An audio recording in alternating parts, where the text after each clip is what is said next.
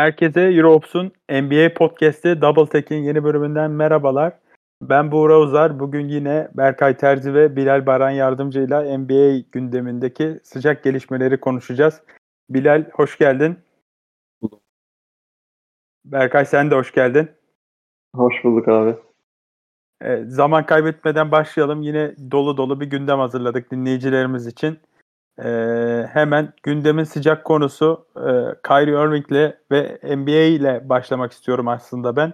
E, son hani birkaç haftadır NBA yönetimini, e, NBA'in böyle yönetim şeklini eleştirebileceğimiz bence noktalar ortaya çıkmaya başladı. Biraz bu popülist tavırları NBA'in hani bu son dönemde oldukça e, bana göre e, eğreti duruyor onlar üzerinde. Ne bu konular? Birincisi tabii ki e, San Antonio Spurs ve Primo olayı. Geçtiğimiz haftaki bölümlerde bahsetmiştik bundan. Yani Primo'nun bir e, cinsel taciz, teşhircilik suçlamasıyla ligden uzaklaştırılması konusuydu.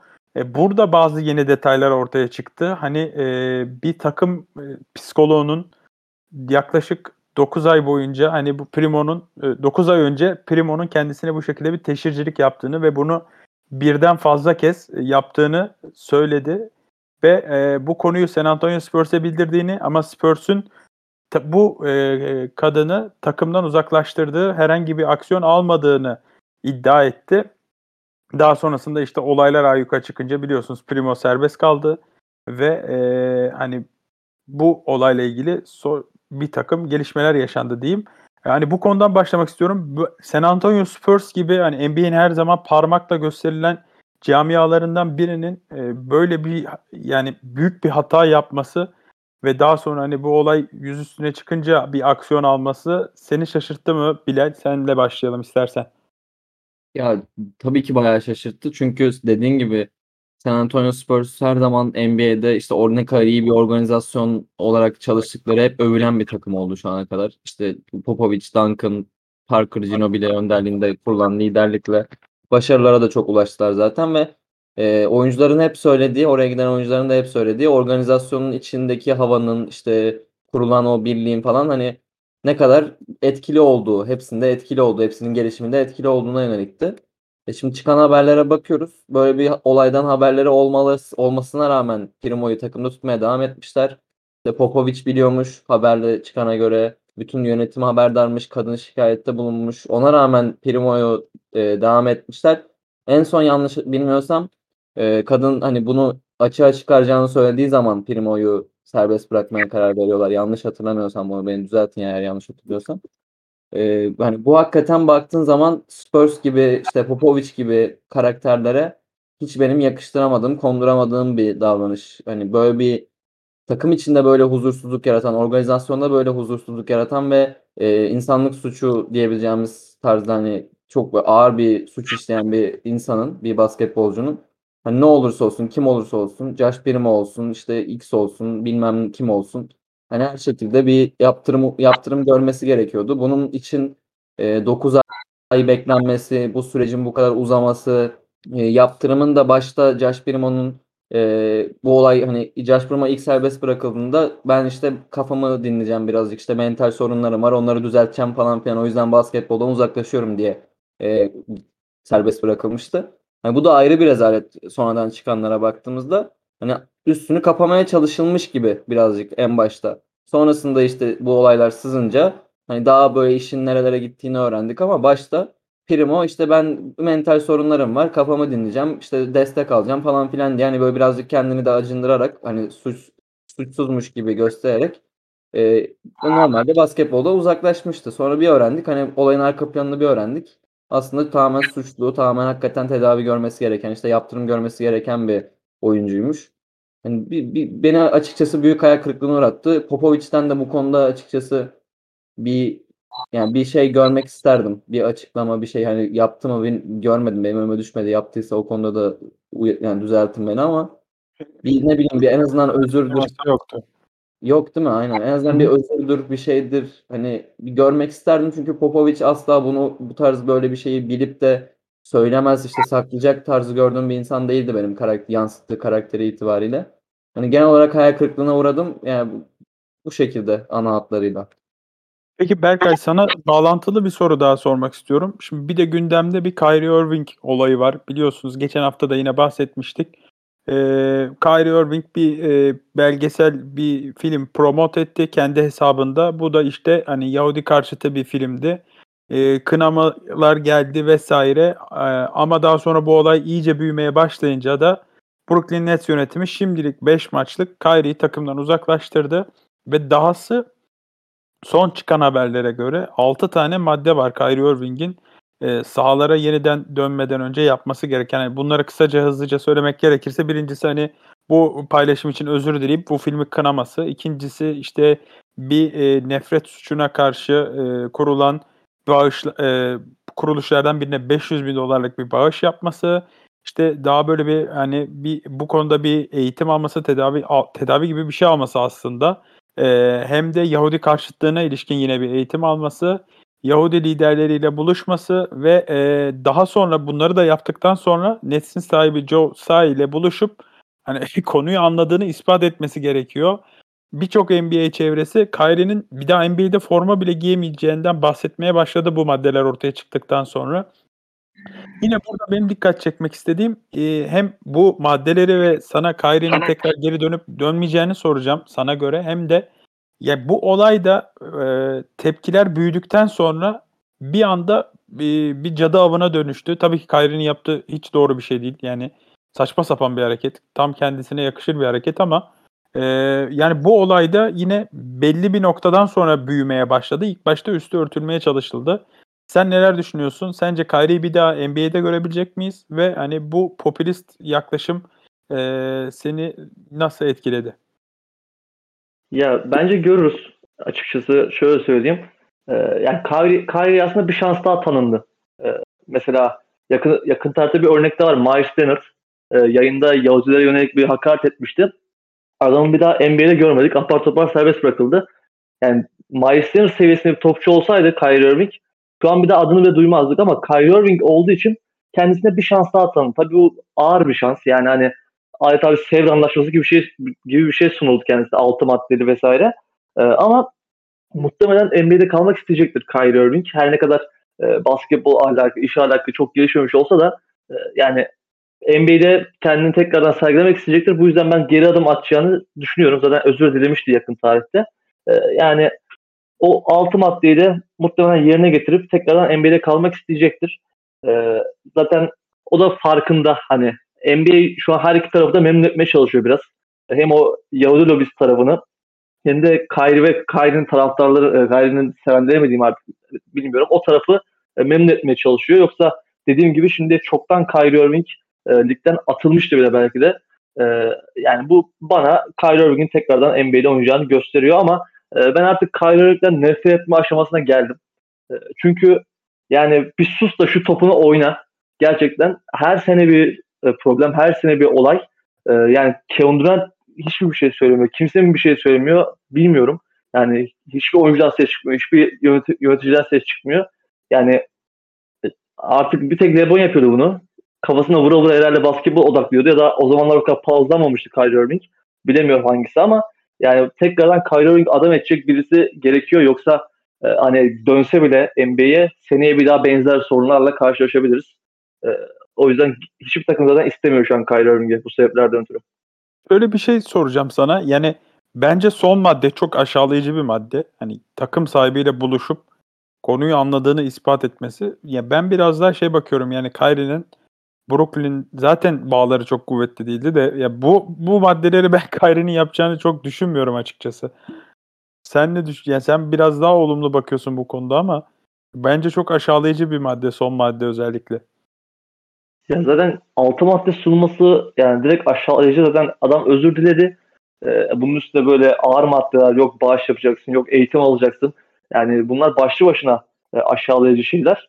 Ee, ama yani bilemiyorum ya Kyrie Irving bana geri adım atacakmış gibi geliyor.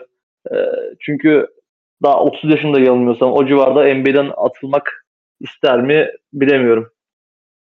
Yani şimdi söz konusu Kyrie olunca emin olamıyoruz. Hiçbir şey evet. Nike'la olan sponsorluk anlaşmasını da Yani ciddi bir darbe aldı. Yeni çıkacak ayakkabısını e, e, iptal etti, erteledi gibi bir şey Nike şu anda. Ha, Bilal sen ne düşünüyorsun Kyrie açısından? Hani e, gelecekte bizi neler bekliyor tahminlerine göre? Yani bence görememe ihtimalimiz de az değil. Ee, Kyrie'nin karakterini de düşününce özellikle. Ya okey mesela Brooklyn'in bu konuda bir hamle yapması gerekiyordu net bir şekilde. Hani NBA'in du- aldığı duruşa baktığımızda da her zaman böyle işte bu tarz olaylara izin vermeyen bir benim ses sekiyor galiba birinizden ama Ben, ben normal duyabiliyorum ama. Tamam devam edelim o zaman. Yani NBA hep bu tarz olaylarda e, duruşu belli o- bir organizasyon olmaya çalışıyor. Yani ne kadar başarıyor bunu onu tartışırız ama e, bu Kyrie'nin yaptığı, promote ettiği filmdeki sloganlar da hani hakikaten kabul edebilecek şeyler değil. Bu yüzden bir yaptırım görmesi gerekiyordu Kyrie'nin. Ben yaptırımında e, okey aşağılayıcı ama e, şey olduğunu düş yani fazla abartı bir şey olduğunu düşünmüyorum. Çünkü Kyrie ondan sonra e, özür dileme fırsatı varken bir 3 dakikalık bir konuşması sırasında tam olarak böyle lafı eveleyip geveleyip tam olarak özür de dilemedi öncesinde. E, hani yaptığını tam olarak kabullenmedi de öncesinde. İşte filmi ben yap çekmedim ki hani filmde ben filmde benim bir katkım yok ki falan tarzı bir şeyler demişti yanlış hatırlamıyorsam. Yani o yüzden bir yaptırımı hak ediyordu. E, birazcık sert oldu ama gerekliydi bence. Hani aşağılayıcı okey ama yani yaptıklarımızın da yani o o seviyede bir oyuncunun, o seviyede insanlara söylediklerini etki eden bir oyuncunun yaptıklarını da biraz daha düşünerek yapması gerekiyor. Paylaştığı, ettiği şeyleri, söylediği şeyleri biraz daha düşünmesi gerekiyor.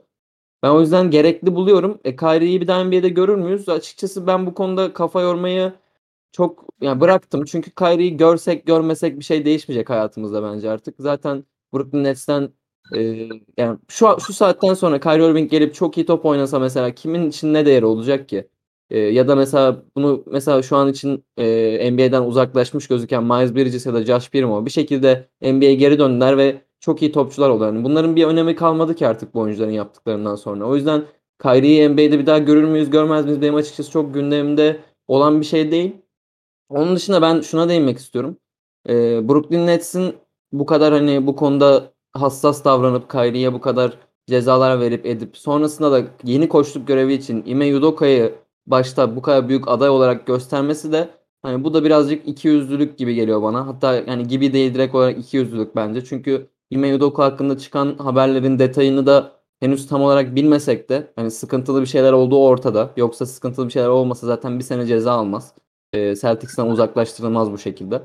E, onun da zaten ne kadar e, sıkıntılı bir karakter olduğu belli. Hani madem Kyrie Irving konusunda bu kadar hassassınız, bu kadar işte 6 tane madde koyuyorsunuz, şöyle diyorsunuz, böyle diyorsunuz, yoksa oynayamaz diyorsunuz. E, aynı zaman zarfı içerisinde Ime Udoka ile anlaştınız diye haberler çıkıyor. Ya birader o zaman sizde yani nasıl bir ikiyüzlülük bu? Hani madem öyle bir duruşunuz olsun. Ime Udoka tarzı e, sıkıntılı lig, lig genelinde sıkıntılı hale gelmiş personelleri de bünyenize katmayın o zaman. Yani ben onu açıkçası büyük bir ikiyüzlülük olarak gördüm. Bunu da belirtmek istedim. Evet orada da son dönemde hani son çıkan haberler e, Brooklyn Nets içerisinde bir kesimin bu işten rahatsız olduğu ve bu işin yatabileceği yönünde. Berkay yani bu Brooklyn'e yakışır bir fiyasko olacak herhalde bu işte. Sen ne düşünüyorsun? Bilal bir giriş yaptı ama Udoka konusunda. Ya hakikaten hani şu Brooklyn'e son dönemde e, en çok yakışan koç olurdu. Çünkü Brooklyn'de biz son 3 yılda falan böyle sağ içinden çok hep sağ dışını konuştuk. Yok Harden'ın takas talebi, yok Ben Simmons'ın oynaması, Kyrie'nin aşı, aşı karşıtlığı vesaire. Hani hep sağ dışını konuştuk. E, o yüzden de Emi Udoka gibi böyle sağ içine çok fazla etki etmeyen bir koç muhtemelen tam olarak Brooklyn'e e, uyumlu olacaktır. E, yani yanılmıyorsam takım sahibinin bir de hani e, WNBA'de takımı vardı. WNBA ile bağlantısı vardı şu anki takım sahibinin. Bu da hani bir de üstüne Ime Udoka'yı getiriyor. Yani bu da ayrı bir çelişki. Yani bilemiyorum açıkçası e, ama ben Brooklyn'e de bu yakışır diyeyim. Kapatayım çok uzatmadan. O zaman biraz saha içine dönelim artık biz de. Ee, Sağ dışındaki bu olayları geride bırakalım. Sağ içine döndüğümüzde de fırtına gibi esen bir takımdan bahsetmek istiyorum. Belki de şu ana kadar değinmemek hani bizim hatamız oldu. Milwaukee Bucks e, sezona inanılmaz bir giriş yaptı. Dün gece oynanan maça kadar mağlubiyetleri yoktu. Onların da e, ligin zirvesinde yer alıyorlar. 10 maçta 9 galibiyetleri var. 9-0'la girdiler lige dediğim gibi. Ve inanılmaz bir basketbol oyunu. Yani Santiago Kumpo ve Drew Hall. E. E, hakkında neler düşünüyorsun ve bu Yannis'i kim durduracak? Ya ilk olarak e, bir alışılmış bir sistemin, hani alışılmış bir oyuncuların olması e, ayrı bir rahatlık katıyor Milwaukee'ye normal sezonlarda. Ama bunun dışında Koç Budenholzer'ın beğendiğim bir e, dokunuşu oldu. E, artık 3 guardlı ve 3 uzunlu beşleri daha sık kullanıyor. Özellikle Middleton yokluğunda. 3 guardlı da mesela e, Javon Carter, Grayson Allen ve Drew Holiday kullanıyor. E, Javon Carter'ı burada mesela rakip, rakipte Kyrie Irving'in üstüne atıp, e, oyun kurucunun üstüne atıp e, Drew Holiday'i e, fi- fizikli kanatlara karşı veya Kevin Durant gibi e, skorer 3 numaralara karşı kullanma lüksünü elde ediyor. E, Mike Budenholzer genelde hani pek B planı olmayan, hep kafasındakiyle oynayan e, bir koçtu. Ama bu rotasyon hamlelerini, bu rotasyon değişikliklerini vesaire ben beğendim. E, bunun dışında 3 uzunlu sistemde de e, sürekli hücumda boyalı alanda e, fizik ve uzunluk avantajına sahip oluyorlar. E, Portis, Brook Lopez, Yanis, e, Yanis üçlüsü beraber oynadığında. E, çünkü rakipler Yanis'i boyalı alandan sürekli uzaklaştırmak istiyor. E, savunma Yanis'in olduğu tarafa yükleniyor ve e, diğer taraftan Bay Portis içeri kat ettiğinde, boyalı alana kat ettiğinde e, boyalı alanda bir çember etrafında bir uzunluk e, avantajı elde ediyorlar. Bu sayede çok fazla e, sayı çıkarlar öyle. Yani e, Portis bir 3 numara değil ama hani Portis Lopez ikisi de şutör olduğu için e, hiçbir spacing sorunu yaşamadılar. Zaten Yanis'in kendi başına bir e, yarattığı bir tehdit var içeride. Üstüne e, iki savunmacı çekiyor, ekstra savunmacı çekiyor bu yüzden.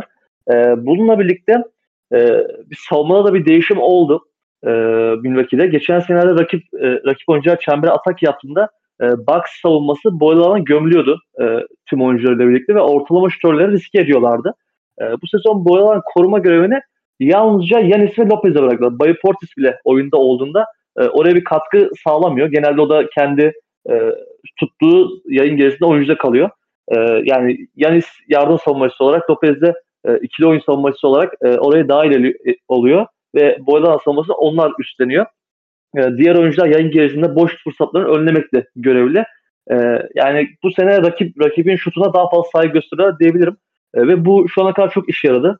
E, çünkü e, Lopez'le Yanis zaten boylu alanı çember savunmasını tek başına kapatıyor. E, bunun dışında daha daha az e, üçlü fırsat tanıyarak rakiplere e, büyük bir fark yarattılar şu ana kadar. E, muhtemelen sezon geri kalanında da böyle olacaktır diye düşünüyorum. E, geçen sene Lopez yokken e, çok e, düşüşe geçmişti Milwaukee savunması. Bunun sebebi Yanis'in daha fazla 5 numarada oynamasıydı aslında. Çünkü alışık olmadığı bir roldü kendisinde. Çünkü e, Yanis Antetokounmpo kendi kendi bildi bileli e, 4 numara yardım savunmacısı olarak çemberi koruyor. E, Lopez de 5 numara olarak ikili oyun savunmasına drop yapıyor. E, ama geçen sene Yanis daha fazla ikili oyun savunmasına dahil oldu. Bu yüzden alışık olmadığı bir rolde oynadı. Bu sezon herkes kendi rolüne dönünce e, Milwaukee savunması tekrardan ligin e, en üst seviyesine çıktı. Şu an zaten lig lideri konumunda e, savunma reytinginde Milwaukee Bucks. Muhtemelen e, sezon geri kalanında da böyle olacaktır. Peki e, Bilal senle devam edelim. E, yani savunmasından bahsetti Berkay. Ben birazcık da yan parçalara değinmek istiyorum burada. Yani Chris Middleton gibi e, çok değerli bir oyuncu şu anda onların yanında değil. Yani onlarla birlikte değil. Sakatlığı sebebiyle ama bu süreçte yani ben Drew Holiday hayran izliyorum. Yani bir vites daha arttırdı son haftada. Keza Bobby Portis bence sezona bomba gibi girdi yeni rolüyle birlikte. E, ama tabii Brook Lopez'in büyük katkısı var her açıdan. Hani şu an iki buçuk blok ortalamasıyla oynuyor ki yani elinizde Yannis varken onun yanındaki bir adamın da iki buçuk blok ortalamasına sahip olması e, burada savunma başarısını gösteriyor aslında Milwaukee'nin. Sen neler düşünüyorsun Milwaukee Bucks ve e, yan parçalarından aldıkları bu kritik katkı hakkında? Ya iyi bir noktaya değindim bence abi. Ee, ek olarak şunu söyleyeyim. Ee, bu takımın geçen senelerde e, işte normal büyük üçlüsü işte Brook Lopez, Bobby Portis bu tarz oyunculardan sonra en çok güvendiği isim genelde Pat Connaughton olurdu. Pat Connaughton'dan da henüz, e, faydalanamadılar sakatlığı sebebiyle. E, buna rağmen yan parçalar aksamadı çok. E, gayet maç genelinde maça hakim olmayı başardılar. Zaten o maçta 9 galibiyet elde ettiler. Ya burada Brook Lopez'e gerçekten Berkay değindi ama hani özel bir parantez açmamız lazım. Hakikaten e, geçen sene yokluğunda Milwaukee Bucks'ın sıkı, yaşadığı sıkıntıları düşünürsek normal sezonda savunmada ve bu sezonki başarılarını düşünürsek yani bu e, hakikaten bu sene nasıl desem böyle bir yılın savunmacısı ödülünün ilk üçte bitirebilecek belki kazanabilecek seviyede bir savunma performansı veriyor şu ana kadar bence. E bunu normal sezon boyunca 82 maç boyunca sürdürebilir mi? E, o konuda tabii ki e, Lopez'in sakatlık geçmişi olsun bu tarz şeyleri düşününce e, endişelenebiliriz ama şu ana kadar hakikaten her şeyi mükemmel yaptı savunmada. Yani direkt olarak çember altındaki rakibin her şutunu, her e, işte floater olsun, e, turnike çembere gitme, e, çembere ataklar olsun, e, ikili oyunlardan sonra ne bileyim orta mesafe, daha böyle yakın orta mesafeler olsun hepsini bozuyor bir şekilde Brook Lopez. E, zaten Yannis gibi bir sigortada etrafta dolaşınca hani direkt çemberi kapatıyorlar. Berkay zaten söyledi. Üçlüye de bu sene bir, birazcık strateji değişik, değişikliğine gittiler. E, üçlüye artık bu kadar fazla izin vermiyorlar. E, daha çok rakipleri orta mesafeye iyice sıkıştırmaya yönelik bir savunma şemasıyla oynuyorlar ve hakikaten bunu yapacak ellerinde bu arada. Hani Efendim? seni böldüm ama dışarıda da Drew Holiday var bu arada yani hani e tabii tabii. önündeki adam da Drew Holiday.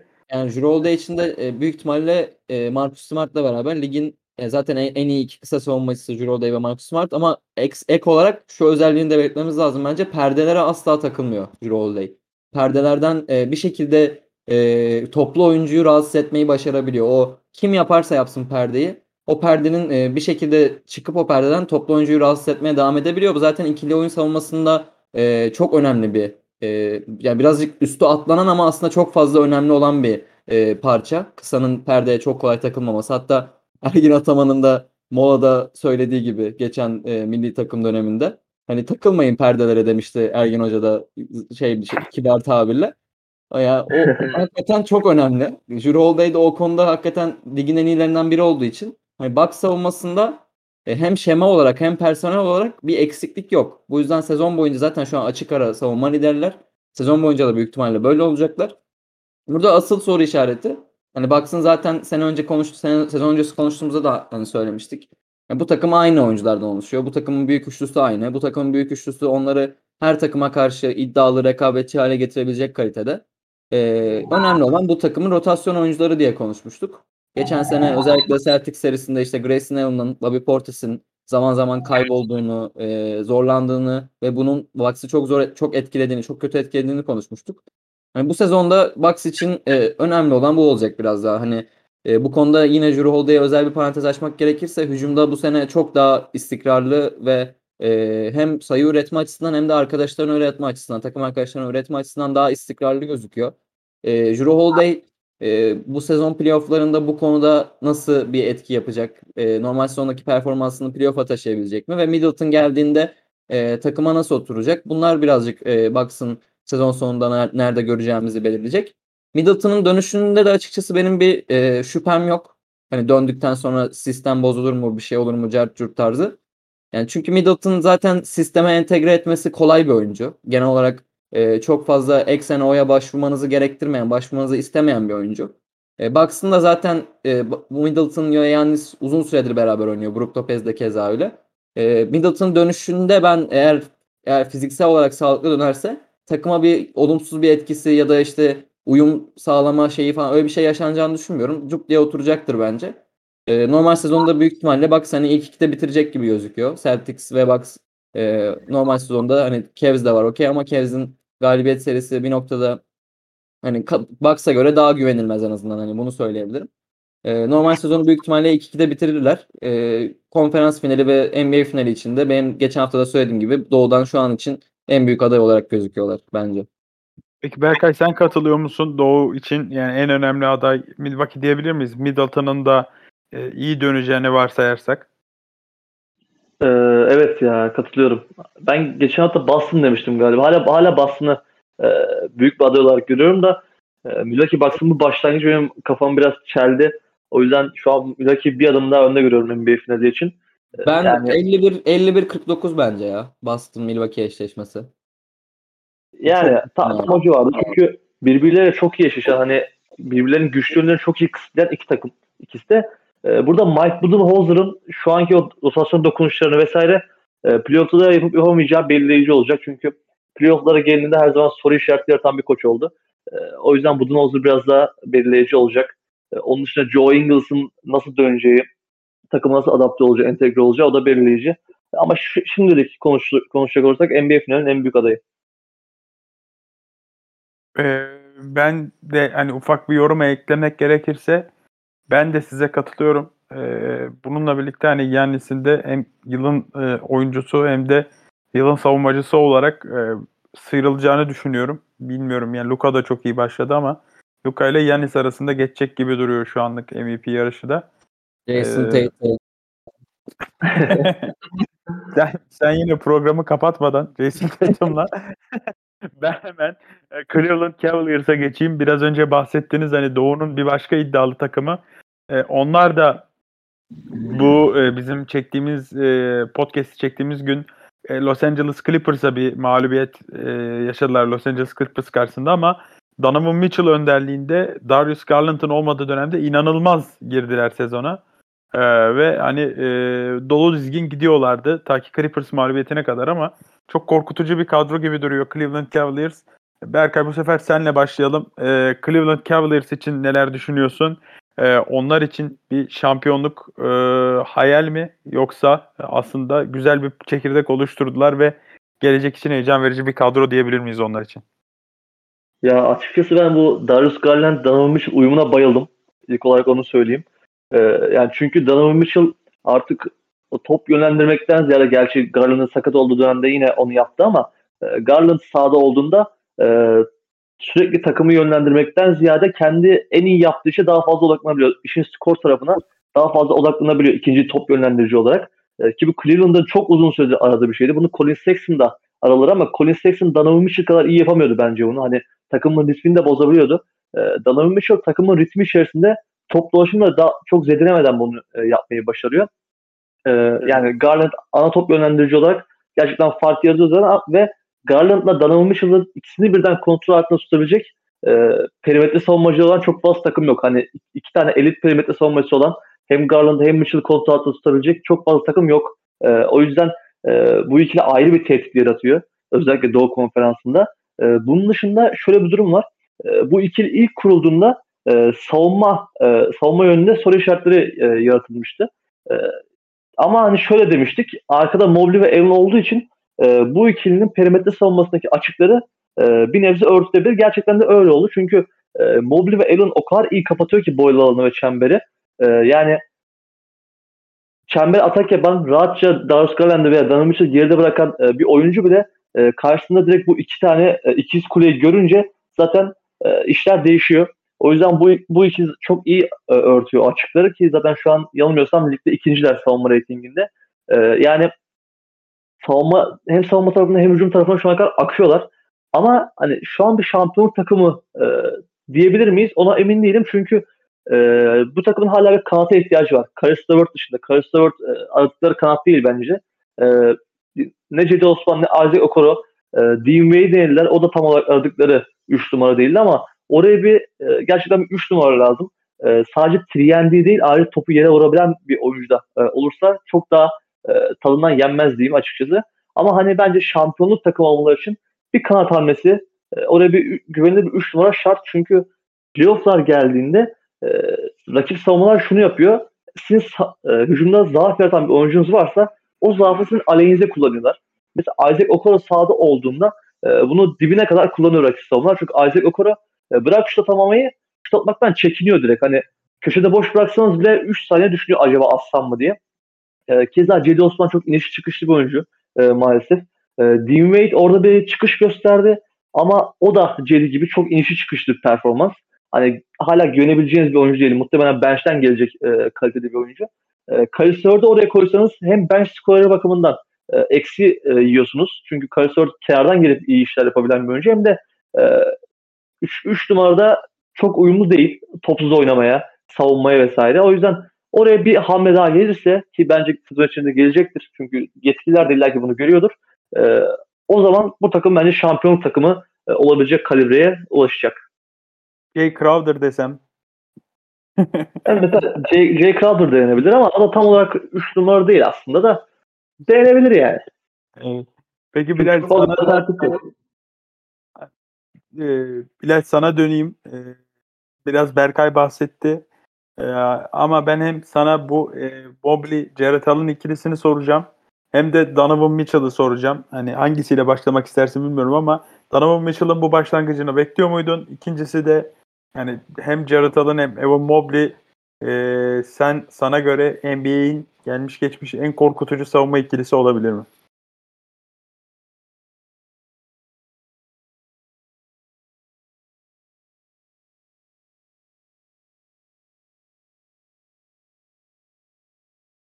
Bilal sanırım bizimle değil.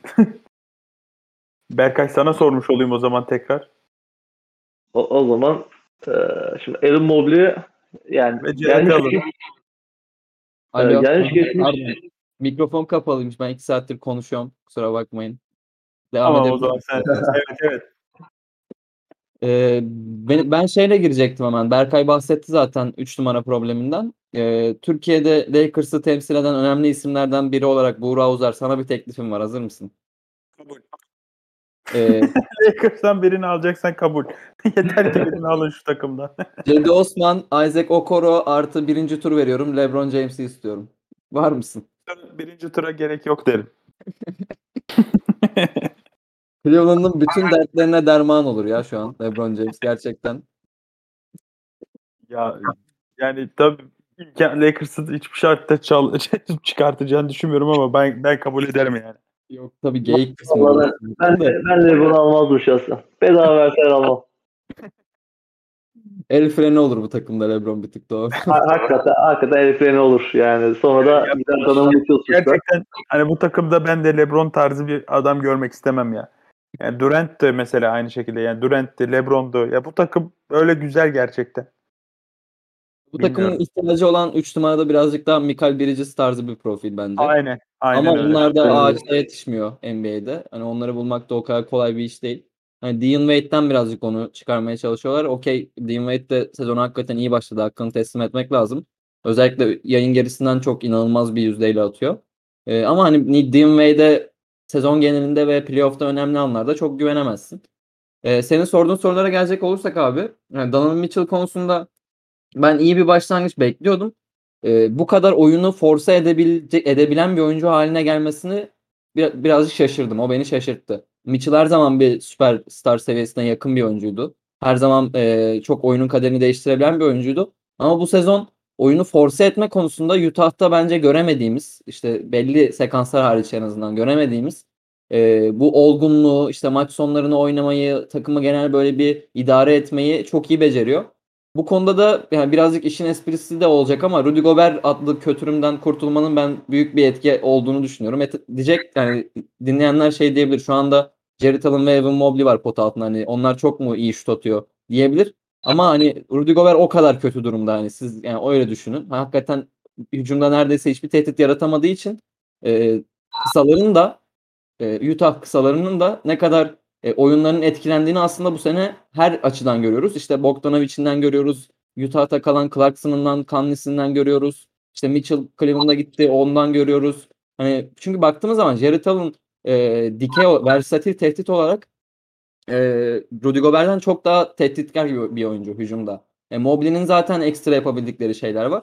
Hani illa basketbolda, modern basketbolda illa modern e, modern bir uzunun şut atmasına gerek yok modern özelliklerini karşılayabilmesi için. Be- belli başlı tehditler yaratabildiği zaman kısaların her türlü alan, e, avantaj sağlamasını e, yardımcı olabiliyorlar. Hani bunu Robert Williams'tan da örnek verebiliriz. Mesela Robert Williams'ın şutu mu var? Hani çok iyi şut mu atıyor? Hayır. Ama Robert Williams'ı modern bir uzun olarak gösterebilirsin. Neden? Çünkü e, yapabildiği şeyler, e, dikey tehdidi, kısa devrilmeden sonra karar yani karar verme yeteneği çok iyi değil ama pasörlüğü en azından. Ee, işte çember koruması, zayıf taraftan çember koruması hani bu tarz özellikler Mobley ve Jared Allen'da da olduğu için anlatıyorum şu an. Bunlar da bir uzunu modern hale getirebilen özellikler. İlla şut atmasına gerek yok. Belli bir yerden tehdit oluşturması burada önemli olan. E bu da Mitchell'ın da oyununa yansıyor. E Garland döndükten sonra zaten ikisi arasındaki uyum hani çok uzun süreler görmedik, uzun süre değerlendiremedik ama e, Celtics maçında özellikle gayet iyi gözüküyordu ikisi de. E, bu konuda özel olarak değinmemiz gereken bence iki maç var. İkisi de Celtics maçı zaten. İkisinde uzatmaya gitti ve uzatmada kazandılar. Ben ikisini de izledim. Ve hakikaten e, Cleveland yani nasıl sene başında ben Cleveland'da okey e, play-in'siz playoff yapar hani onu okey olarak görüyordum ama playoff'ta e, birazcık tecrübesiz bir takım olduğu için ilk tur ikinci tur hani birazcık böyle sonrası bir, bir tık zor olur mu acaba diye düşünüyordum. Şu ana kadar izlediğimiz Cleveland bana açıkçası playoff ortamında çok can yakacak, çok can sıkacak Ee, birazcık böyle Toronto Raptors takımları gibi. İşte Kawhi varken ya Kawhi varken varken şampiyon oldu da Lowry varken ki diyeyim. Ee, sürekli böyle playoff'ta yer alıp e, böyle karşısındaki rakibe zindan edip seriyi eninde sonunda böyle zor zor da olsa bazen kazanıp bazen kaybeden bir takım olma havası veriyor açıkçası bana Cleveland playoff için. Daha fazla güven verdiler bu sekansta. E, Jared Allen ve Mobley'nin tarihin en iyi savunma ikilisi olup olamayacağı konusunda bence birazcık erken bunu konuşmak için. E, birazcık playoff ortamında bu ikilinin neler yaptığını görmemiz lazım bence bunu konuşmak için. E, eğer orada da hakikaten bu seviyede e, kaliteli bir savunma performansı, bir uyum gösterirlerse ve Cleveland'ı başarıya taşırlarsa neden olmasın? Çünkü Mobley'nin performansı zaten hani Jared Allen bir tık bence tavanını buldu. Tavanı burası yani Jared Allen'ın daha büyük daha fazlası Jared Allen'dan büyük ihtimalle olmaz ama Mobley'nin tavanını düşündüğümüzde bu ikili hakikaten tarihe böyle büyük etkiler bırakan bir ikili olarak karşımıza çıkabilir, çıkabilir ilerleyen yıllarda. Berkay sen ne düşünüyorsun bu konuda? Ya ben özellikle Ivan Mobley'i çok seviyorum. İnanılmaz bir oyuncu ve tavanı bence de çok yüksek. Hani Berkay, e, Bilal'in dediğine katılıyorum. Jared Allen evet belli bir noktaya geldi bence de. Ama Mobley'nin dönüşebileceği oyuncuyu çok merak ediyorum gerçekten. Sen neler düşünüyorsun? Ee, lafa başlamadan önce reklam yapayım. Mobley ve Allen'la ilgili yazımızı Euronews Türkiye'den okuyabilirsiniz. Daha yeni çıktı fırından. Onu da reklamını yapalım. Onun dışında Allen bence de potansiyeline ulaştı ama e, şu anki durum sanki Mobley'i biraz kısıtlıyor. E, Mitchell'ın gelişi. E, çünkü Mobley hücumda o kadar çok artık topu eline alamıyor. E, o özgürlük alanı biraz kısıtlandı.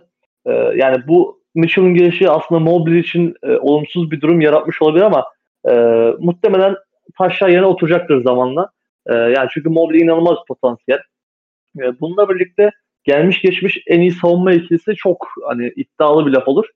E, hani o David Robinson, Tim Duncan'ları, Olajuwon'ları vesaire geçtim. Canlı canlı bir Giannis Antetokounmpo Brook Lopez örneği var. Yıllardır ligin e, savunma reytingini domine eden bir ikili. Yani onlar onlar bile bence hani şu an daha iyi bir pot altı ikilisi yani savunma bakımından diyeyim. Ama onun dışında gerçekten e, özel bir ikili ve şunu gösterdiler hala bu basketbol denen oyun hala iki tane uzunla e, şut tehditleri çok yüksek olmasa bile iki tane uzunla oynanabiliyor. Bence bunu tekrardan gösterdiler. Çünkü artık basketbol çok ezbere yorumlanmaya, çok ezbere konuşulmaya başlandı. Hani dört numaraların illa şut atması gerekiyor. Beş numaralarda şut atmalı vesaire. Ama hani bu ikili başka açılardan da o şut eksiklerini kapatabiliyor ve iki sezondur da çok başarılı oluyorlar. Ee, yani o yüzden ben bu ikili beğeniyorum. Ee, umarım uzun yıllar izleriz ligde. Ee, Bilal sana şunu sormak istiyorum. Bench katkısı konusunda da yani Cleveland bence iyi durumda şu anda. Hani bir maç Cedi parlıyor. Bir maç Kevin Love e, parlıyor ki bence o da bu sezon hani gayet iyi bir performans gösteriyor. Kendisine düşen rol üzerinde hani girip o uzunların arasına şut atan bir uzun olarak. Ee, sen Cleveland'ın bench'i hakkında neler düşünüyorsun peki? Bana çok Ve güven Cedi, hani. Cedi yorumu da alabilirim senden. Bana çok güven vermiyor açıkçası e, Cleveland'ın bench'i. Okey iyi girdiler sezona. O konuda haklısın abi. E, hepsi özellikle belli maçlarda parladı. Ama sezon geneline baktığımızda e, Cedi okey biraz daha özellikle geçen sene de e, rolünü bulmuş gözüküyordu. E, biraz daha en azından kısıtlı sürelerde ne yapabileceğini, ne verebileceğini bildiğiniz bir oyuncu haline dönüştü Cedi. Ama hani Cedi'yi sahaya attığınızda zaaflarını rakip takımlar hani kullanmaktan asla çekinmeyecektir. E, işler o noktaya geldiğinde. Ya da mesela Isaac Okoro yani direkt olarak Isaac Okoro'yu takımlar savunmuyor. Hani Cleveland maçlarını izleyenler dikkat etsin. Isaac Okoro sahadayken e, direkt 4, 5'e 4 hücum etme, 4'e 5 hücum etmeye çalışıyor Cleveland Cavaliers. Ve hani bu iki oyuncu bas, baktığımız zaman Dean Wade'le beraber 3 numaradaki tek alternatifler. Hani ben Caris LeVert'ü 3 numarada oynatma fikrine pek sıcak değilim. Hem fiziksel olarak hem de hücumdaki rollerin çakışması açısından. Hani Caris LeVert bence Garland ve Mitchell'ı yedekleyen bir oyuncu. 3 numarayı yedekleyen bir oyuncu değil. Ee, baktığımız zaman 3 numara rotasyonu hakikaten çok sıkıntılı. En büyük sıkıntıları topu yere vuramıyor olması hiçbirinin. Ee, bu takımda zaten e, Jared Allen ve Evan Mobley'den de topu yere vurmasını çok istemiyorsun şu an şu an için. Hani Jared Allen büyük ihtimalle kariyerinin hiçbir noktasında topu çok iyi yere vurabilen bir uzun olmayacak ama Mobley'den e, bu beklenti var. Mobley'den de şu an için bunu üst seviyede beklemek bir tık haksızlık olur. E, o yüzden kanattan kanatlardan birazcık bu topu yere vurup bir tehdit oluşturma işini bekliyor. Arıyor biraz Cleveland. E, bu üç oyuncuya baktığımızda her ne kadar yapabildikleri belli baş, belli başlı şeyler olsa da hiçbirinden kariyerinin herhangi bir noktasında topu yere vurarak üretebilen bir kanat olmasını bekleyemeyeceğiz gibi duruyor. Isaac Okor'dan benim bu konuda beklentim vardı ama dediğim gibi hani o konuda rezalet bir performans gösteriyor şu ana kadar. Hani rolleri çok niş e, ve ne yaptıkları belli, ne yapamadıkları çok belli olan oyuncular bunlar. E, bu tarz oyuncularda da artık hani NBA playofflarında Berkay söyledi zaten konuşurken hani direkt zaafı çok belli olan oyuncuları direkt sağ dışına atabiliyor artık koçlar. Bu meziyet gelişti yani. Mike Budenholzer bile ne kadar playoff koçluğuna eleştirdiğimiz bir koç olsa bile o bile öğrendi bunu artık yani böyle belli bir zaafı varsa ona saldırıp oyuncuyu saf dışı bırakabiliyor belli zamanlarda. Ben playoff'ta bu rotasyonun Cleveland'da illaki sorun oluşturacağını düşünüyorum ve tavanını kısıtlayan noktanın da bu olduğunu düşünüyorum. Ee, ama normal sezon için yani okey sıkıntı yok şu anlık. Hani belki e, bu üç oyuncudan dediğim gibi şu an iyi, yani iyi gidiyor sayılırlar. Parlatıp böyle biraz daha bir şeyler ekleyip daha sağlam bir rotasyon oyuncusu ekleyebilirler takas dönemi yaklaştığında. Ama bu rotasyonla bence playoff'ta kesinlikle sıkıntı yaşarlar. Ben e, biraz daha bu konuyu hani Garland ve Mitchell'ın sürelerini biraz daha düzenleyerek çözebileceklerini düşünüyorum açıkçası sizden hani farklı olarak. Şimdi Garland önemli bir sakatlık da yaşadı. Hani uzun bir süre oynayamadı. Gözünden ciddi bir problem yaşadı. E, daha yeni yeni dönüyor. Hala hatta gözü ciddi manada hani kızarık ve e, bir gözü biraz daha kısık durumda. Bilmiyorum ben onlar ikisi biraz birlikte oynamaya alıştıktan sonra o süreleri e, ayarlayarak biraz daha bu sorunu çözebilirler diye düşünüyorum. Yani Phoenix Suns'ta Chris Paul ve Devin Booker var. Hani bu konuda Garland Mitchell'dan daha iyi diyebileceğiniz bir ikili. Onlar bile bu sıkıntıyı yaşadı. Hani kanatlardan, e, diğer pozisyonlardan topu yere vuramayan bir oyuncunun eksikliğini yaşadılar. Yani o yüzden bana Garland Mitchell ne kadar tavanına ulaşsa bile onu arayacaklar gibi geliyor sezonun ilerleyen noktalarında. Belki sen de sanki bir şey diyordun ama yanlış mı? Ben de şöyle katkı sağlayayım. E, şimdi mesela playoff ortamında e, yani agresif bir şekilde savunarak topu elinden çıkartabiliyor Donovan Mitchell'ın veya Darius Garland'ın.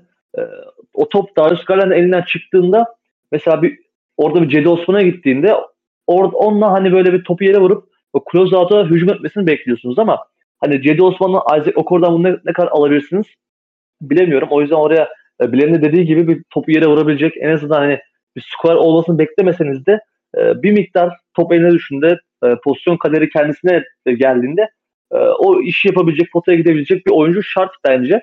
E, bunun dışında e, unuttuğumuz bir gerçek var Ricky Rubio. E, çünkü Ricky Rubio şu an sakat.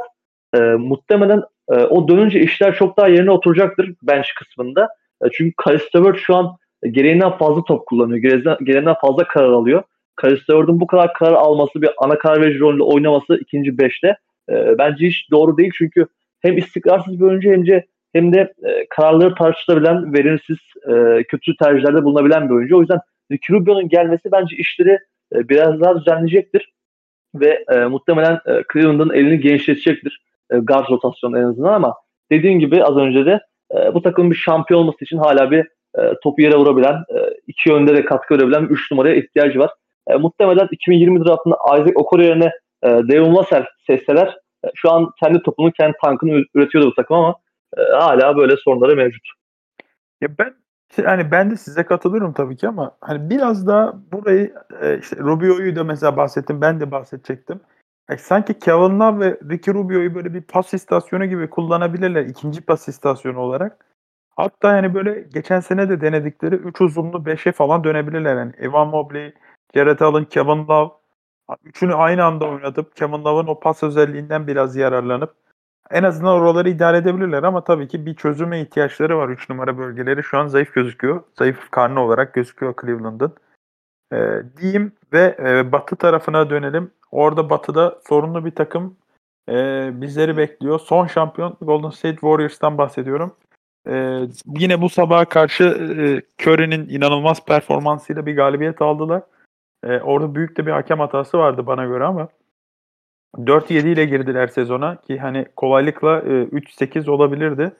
E, Golden State Warriors'ta çok iyi gözükmüyor. Özellikle Klay Thompson sezona çok kötü girdi bana göre.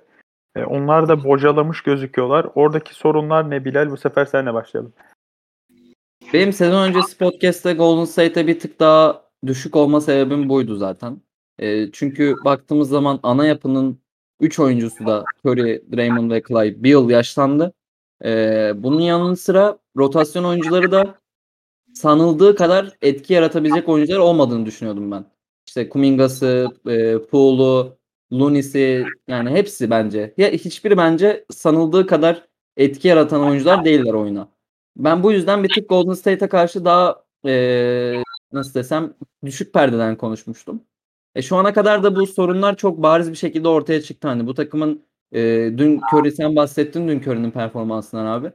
47 sayı attı yanlış hatırlamıyorsam. Yani zar zor kazandılar ve yendikleri takım da Sacramento Kings yani. Hakikaten Curry'nin eline çok bakan bir takım var şu an. E, Clay Thompson çok kötü girdi zaten sen söyledin ve bu Curry'nin üstündeki yükü iyice arttırıyor.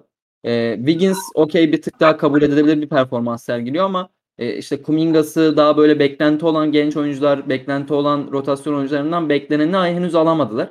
E, sezon içinde toparlayacaktır bir nebze Golden State illaki. Fakat benim tavanlarını daha kısıtlı görmemin en büyük sebebi buydu. Ve şu ana kadar da hakikaten bu zaafların e, çok gün yüzüne çıktığını görüyoruz. E, Stephen Curry artık 34 yaşında. Hani okey oyun tarzı e, çok fazla fiziksel temasa dayalı olmadığı için 34 yaşında olması çok böyle insanların gözünde büyük bir şey gibi gelmeyebilir ama Curry de topsuz oyundaki hareketliliğiyle işte hücumda sürekli dikkati çekmesiyle çok yük taşıyan bir oyuncu. Kariyeri boyunca bu e, Golden State Warriors hanedanlığı boyunca e, belki de Durant varken bile hep her zaman bu takıma saha içi lideri olarak görebileceğiniz bir oyuncu. O yüzden onun üstündeki yük iyice arttı bu sene ve dediğim gibi bir yıl daha yaşlandığı için bu oyuncuların hepsi e, ve şampiyon olarak hani sezonu en en son kapatan takım Golden State Warriors Boston Celtics'le birlikte e, herkese beraber açınca ve yaş e, yaş gibi işte rotasyon gibi sorunlar devreye girince birazcık yavaş başlamaları bence normal. Ha, çok kırmızı alarmlık bir durum var mı? Bence yok. Hani ben sezon öncesi hangi konumdaysam o konumdayım Golden State hakkında. Hala bu takım Batı Konferansı'nın en büyük 3 favorisinden biri bence. Clippers ve Denver'la birlikte. Ee, o konuda beni geriye çeken bir düşünce olmadı. Ama dediğim gibi sezon öncesi de demiştim. Bu sene diyorum. Golden State'in geçen seneki gibi e, şampiyonluğa ulaşması bu sene çok daha zor bence. E, hani en büyük adaylardan biri değil bence şu an. Hani en büyük adaylardan biri değil dediğimde hani ilk 5 dışında değil demiyorum fakat en büyük 3 adaydan biri olmadığını düşünüyorum Golden State'in şu an. Sezon öncesinde de böyle düşünüyordum. Hani bu kötü başlangıçlarından dolayı söylediğim bir şey değil. Beklediğimi gördüm şu ana kadar ve e, sezon içinde bir noktada raya oturacağını da düşünüyorum. E, ama tavan olarak Golden State'i geçen seneden birazcık daha kısıtlı görüyorum açıkçası. Ee, Berkay sen neler düşünüyorsun? Hani biraz Curry yalnız kaldı. İşte Draymond Green her zaman olduğu gibi biraz yavaş tempoyla girdi sezona. Clay çok kötü. Belki de o patlamayı bekledikleri Poole ve Wiggins hani kötü oynamıyorlar ama o çıkışı da gösteremediler gibi duruyor. Sen de Bilal gibi karamsar mısın Warriors hakkında? Ya e, aslında şu an bir şey söylemek için çok erken. E, yani hani takımın bu ilk 3 oyuncusu hani hani Clay'i geride e, dışarıda bırakıyorum. E, Curry, Draymond Green, Wiggins bence şu an iyi başladılar ama e, Bilal'in de dediği gibi rotasyonda seviye çok düştü. Yani mesela bu savunma tarafında kendini belli ediyor. Hatta en çok savunma tarafında kendini belli ediyor. Çünkü Gary Payton yerine alınan Dante DiVincenzo Payton kadar topa baskı yapamıyor. E, Payton kadar elit bir savunmacı değil. E, yani Otto Porter'ın yerini çok dolduramadılar. Yani mesela geçen sene e, savunmada bu savunma rotasyonu, yardım savunmaları e, savunma iletişimi artık otomatik bir hale gelmişti bir yerden sonra. Çünkü Otto Porter ve Gary Payton çok güzel e, adapte olmuştu. Ama bu sezon onların gidişiyle hem gençler daha fazla e, işin içine dahil olmaya başladı. Hem de Jamal Green ve Dante DiVincenzo o kadar beklentileri karşılayamadı. Yani iyi katkı veriyorlar ama o, o ikili kadar e, veremiyorlar. E, bu yüzden hani savunmada e, işler biraz değişti. E, yani bak, maç izlediğinizi görüyorsunuz. Hele Jordan Poole'un daha fazla süre alması da etkili. E, yani savunmada herkes bir yardım savunmalarını kaçırıyor veya savunma konsantrasyonu çok zayıf. Mesela Clay Thompson da iyi bir savunmacı olarak biliriz şu ana kadar kendisini ama o bile çok kötü başladı. Ee, yani Draymond Green Wiggins'i biraz da Curry dışında herkes suçlayabilir savunma tarafında. Ama hani bu e, sezon ilerleyen kısımlarında bence e, dengeye gelecektir. Çünkü yani Golden State Warriors yıllardır e, ve alışılmış bir e, sistemle oynuyor ve savunmada her zaman elit takım oldular. Muhtemelen Draymond Green'in de varlığına ötürü zamanla kendilerini bulacaklar diye düşünüyorum. Ama bu rotasyondaki seviye düşüşü biraz sıkıntılı. E, çünkü yani şu an Ty Jerome'dan bile katkı almaya çalışıyorlar. Öyle e, kötü bir durumdalar. E, James Wiseman'ı sahaya atıyorlar. James Wiseman zaten çok kötü. Yani e, savunmada pozisyon alamıyor. E, alt vücudu çok güçlü olduğu için bir omuzda hemen pozisyonu kaybediyor. E, yani alan yaratabiliyorsunuz kendisine karşı. Sürekli faal problemine giriyor. Yani 13 dakika 14 dakika oynuyor. 2.5 faal yapıyor. 36 dakikaya vurduğumuzda yaklaşık 7, 7 faal falan oluyor. Yani inanılmaz bir rakam bu. E, reboundlar da zaten yok. Hani reboundlarda da faktör bile olamıyor. E, yani zaten bu da ayrı bir sorun. Yani hücum, hücum takımları sürekli rebound olarak pozisyon sıfırlıyor e, Golden State'e karşı. E, bununla birlikte hücumda da e, bir takım oyununda bir işlevsiz yani James Wise'den. Mesela e, geçen maçtan pozisyon vardı. Orlando maçından mı? Tam hatırlayamadım ama e, yani Seth Curry e, e, Steve Kerr bir şey oynamaya çalışıyor. Set oynamaya çalışıyor. E, James Wiseman'ın perde yapıp devrilmesi gerekiyor. Ardından 4 numara perde yapıp devrilecek ama hani James Wiseman orada perde yapması yapacağını anlayana kadar zaten pozisyon bitiyor. Orada zaten Stephen Curry'nin de bir sistemi var ona karşı. Yani bu e, setlerde çok işlevsiz. E, kendi rolünün hiç farkında değil. Ne yapacağını hiç farkında değil ve perde koyduğunda da yani savunma enerjisi hiç etki etmiyor. Bu yüzden hani o Looney'nin o sahada yaptığı küçük işleri yapamıyor. Mesela Kevin Looney bir perde koyuyor. E, kendi oyuncusuna alan yaratabiliyor veya nerede ne yapacağını çok iyi biliyor. Hücum batmana çok aktif. Ama onun yerine sahaya attınız. 10-15 dakika sahaya attınız. Hani o Kevin Looney'nin katkısını versiniz. Sahaya attınız. James Wiseman bunların hiçbirini yapamıyor. Sadece potaya devrilebiliyor ve biraz uzun. Yani bu sayede test yaratabiliyor biraz. Ama bunun dışında hiçbir şey yok ve muhtemelen yakında rotasyona kesilecektir. Belki geçen maçta kesilmiş olabilir tam hatırlamıyorum. Bununla birlikte Jonathan Kuminga da çok kötü başladı ama hani Jonathan Kuminga yani o da tam olarak Warrior sisteminin topçusu değil. E, çünkü Warrior sistemi çok hızlı karar almaya gerektiren, çok üstün basketbol zekası gerektiren bir sistem. Jonathan Kuminga'da o, o iki özellik tam olarak yok ama o da bireysel yeteneğiyle atletizmde bir şeyler yapıyordu. Muhtemelen e, yakın e, süreçte 5 numarada Wiseman yerine onu daha çok kullanacaktır. Ama hani rotasyonda gerçekten yani sezon içinde bir hamle gerekiyor. Yani playoff'lar rotasyon daralıyor ama Golden State'den çok kötü başladı. Sezonun geri kalanını kurtarmak adına yani her maç 7 kişi, 8 kişi oynayamazlar. O 10-11 kişilik bir rotasyon yapmaları gerekiyor. E, o yüzden bir noktadan sonra hamle gerekecek ve rotasyonu kaliteli hale getirmeleri gerekecek. E, yani bununla birlikte şu da ayrı bir e, etken oldu. Jordan Poole'un düşüşü. Yani Jordan Poole geçen sene oyun ne zaman tıkansa çünkü e, Golden State sistemi top dolaşımına bağlı olduğu için yani bir yerden sonra bireysel yaratıcılara ve muhtaç kalıyorlardı. Burada Jordan Poole devreye girip sorunları çözüyordu. E, ama hani Jordan Poole bu sene onları yapamayınca e, yani çok kötü bir başlangıç yaptı. Artık Draymond Green'a yedi yumruğun etkisi mi var? Yoksa parayı aldı yatıyor mu artık bilemeyeceğim ama e, hani o Jordan Poole'un sorun çözücülüğünü arıyorlar. Bu sene e, bunu yapamadığı için o da ayrı bir sıkıntı yarattı hücumda. Yani Stephen Curry muazzam başladı sezona. Çok ekstra oynuyor. E, ama hani Stephen Curry bu kadar ekstra oynarken bunu değerlendirememeleri e, büyük bir e, kayıp Golden State adına. Çünkü yani Stephen Curry bu kadar iyi başlamışken sezon 4 diye değil 7-4 girmeleri gerekiyordu belki de. E, bununla birlikte şunu söyleyeyim. E, Sacramento galibiyeti benim için yok hükmündedir. Yani böyle bir hakem rezaleti olamaz. Gerçekten hani ben de sonradan e, dün tabii bütün takımlar aynı anda oynadığı için e, takip etmekte zorlandım ben de ama Lakers sağ olsun hani 139 sayı yiyip hemen erkenden bırakınca maçı diğer maçlara bakma şansım oldu. Felaket bir düdüktü o son pozisyon. Ee, Bilal bana e, ikiniz de aynı önce hani Berkay sen toparla istersen sonra Bilal'e vereyim sözü. Ya ben şey diyeceğim o, o pozisyonda 2-3 faal var nasıl görmemeli nasıl görmediler hala anlamıyorum diyecektim. Ee, sözü evet. Bilal'e biraz. Ya Jordan Poole'un geçen sene final serisinde bu yanlış hatırlamıyorsam ikinci maçta orta sahadan soktuğu üçlükler bence kariyer için en büyük zarar veren üçlükler oldu. Şu açıdan. Yani final serisinde Pool'un çok iyi geçirdiğini söyleyemeyiz. Hani hepimiz izledik final serisini. Celtics'in en çok zaaflarından yararlandığı, hücum tarafında zaaflarından yararlandığı oyuncu Jordan Poole'du. Ee, kendi Golden State'in hücumunda da çok fazla yanlış karar verdiği, çok fazla e, su kaynattığı vakitler, sekanslar izledik.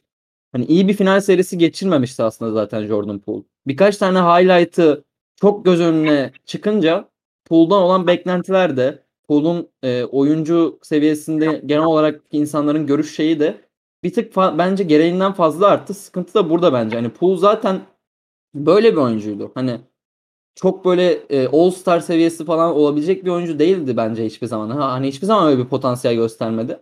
zaten böyle bir oyuncuydu. Hani o birkaç tane highlight verdi ve insanlar olduğundan çok daha iyi bir oyuncuymuş gibi görmeye başladı onu bence.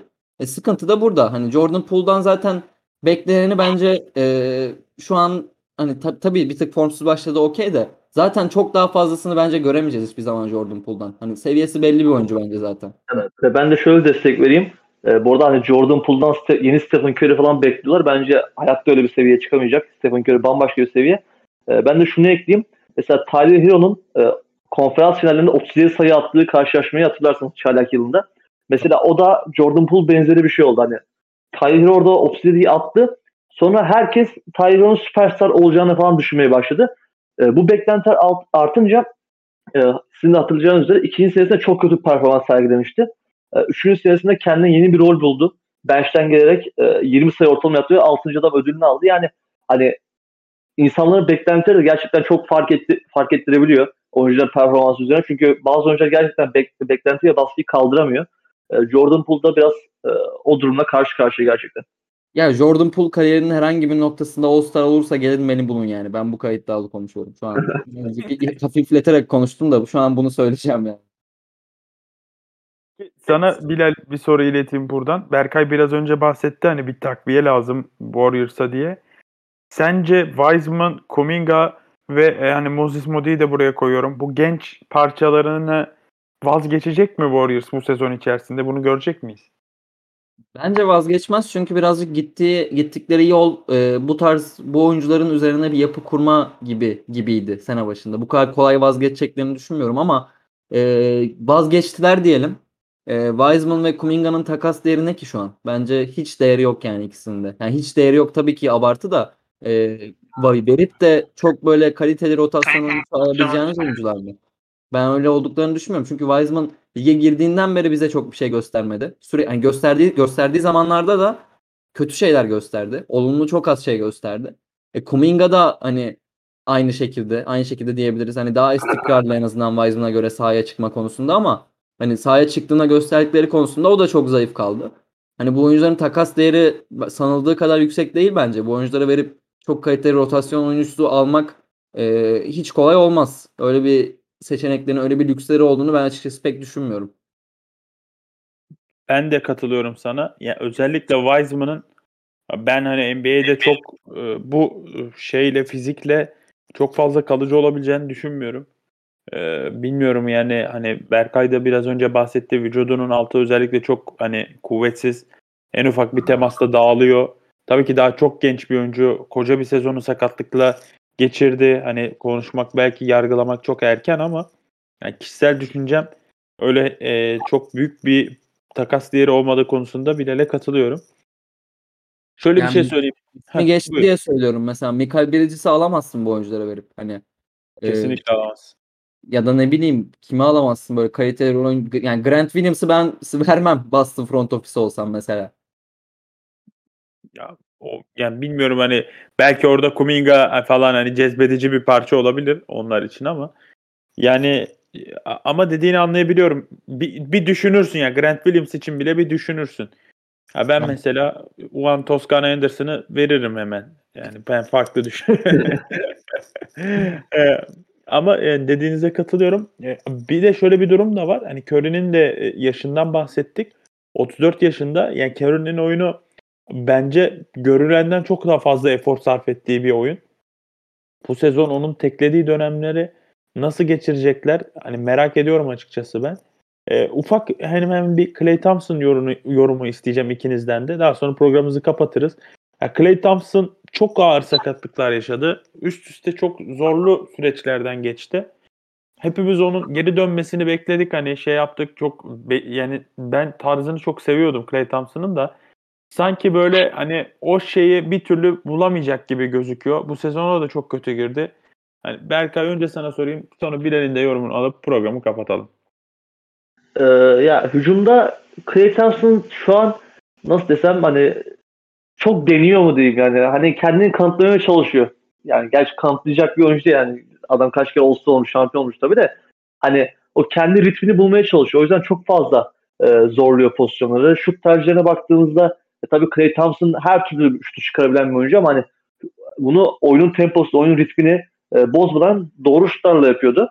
E, şu anda sanki biraz zorlama şutları tercih ediyor E, ve yani burada hani kötü şut tercihlerine kayıyor, kötü kararlara kayıyor diyeyim. E, kendini kanıtlamak için, kendi e, ritmini bulmak için. Savunma tarafında da yani bu kadar konsantrasyon düşük olmasını beklemezdim. Artık belki e, zafer sarhoşluğu mu diyeyim. E, çünkü hani bu adamlar dördüncü kez şampiyon oldu ve bir yerden sonra e, tatmin ol- oluyor olabilirler. O eşiğe ulaşmış olabilirler bilemiyorum ama e, yani şu hücumdan ziyade daha çok bu savunma konsantrasyonu düşüklüğü e, beni şaşırttı.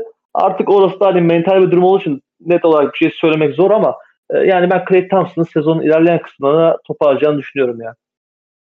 Bilal sen neler düşünüyorsun Clay için?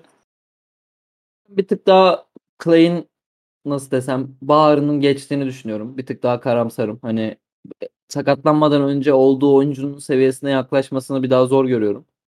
Çünkü hakikaten fiziksel olarak sahada rahat olmadığı bir tık belli. İzlerken bunu görüyorsunuz. Yani Clay o kadar e, fiziğini kullanan bir oyuncu olmadı kariyerin hiçbir bölgesinde belki zamanında belki okey ama e, sahada hareket edişi bile artık bir, bir tık böyle e, sakatlığın etkilerini yansıtıyor bence izleyenlere.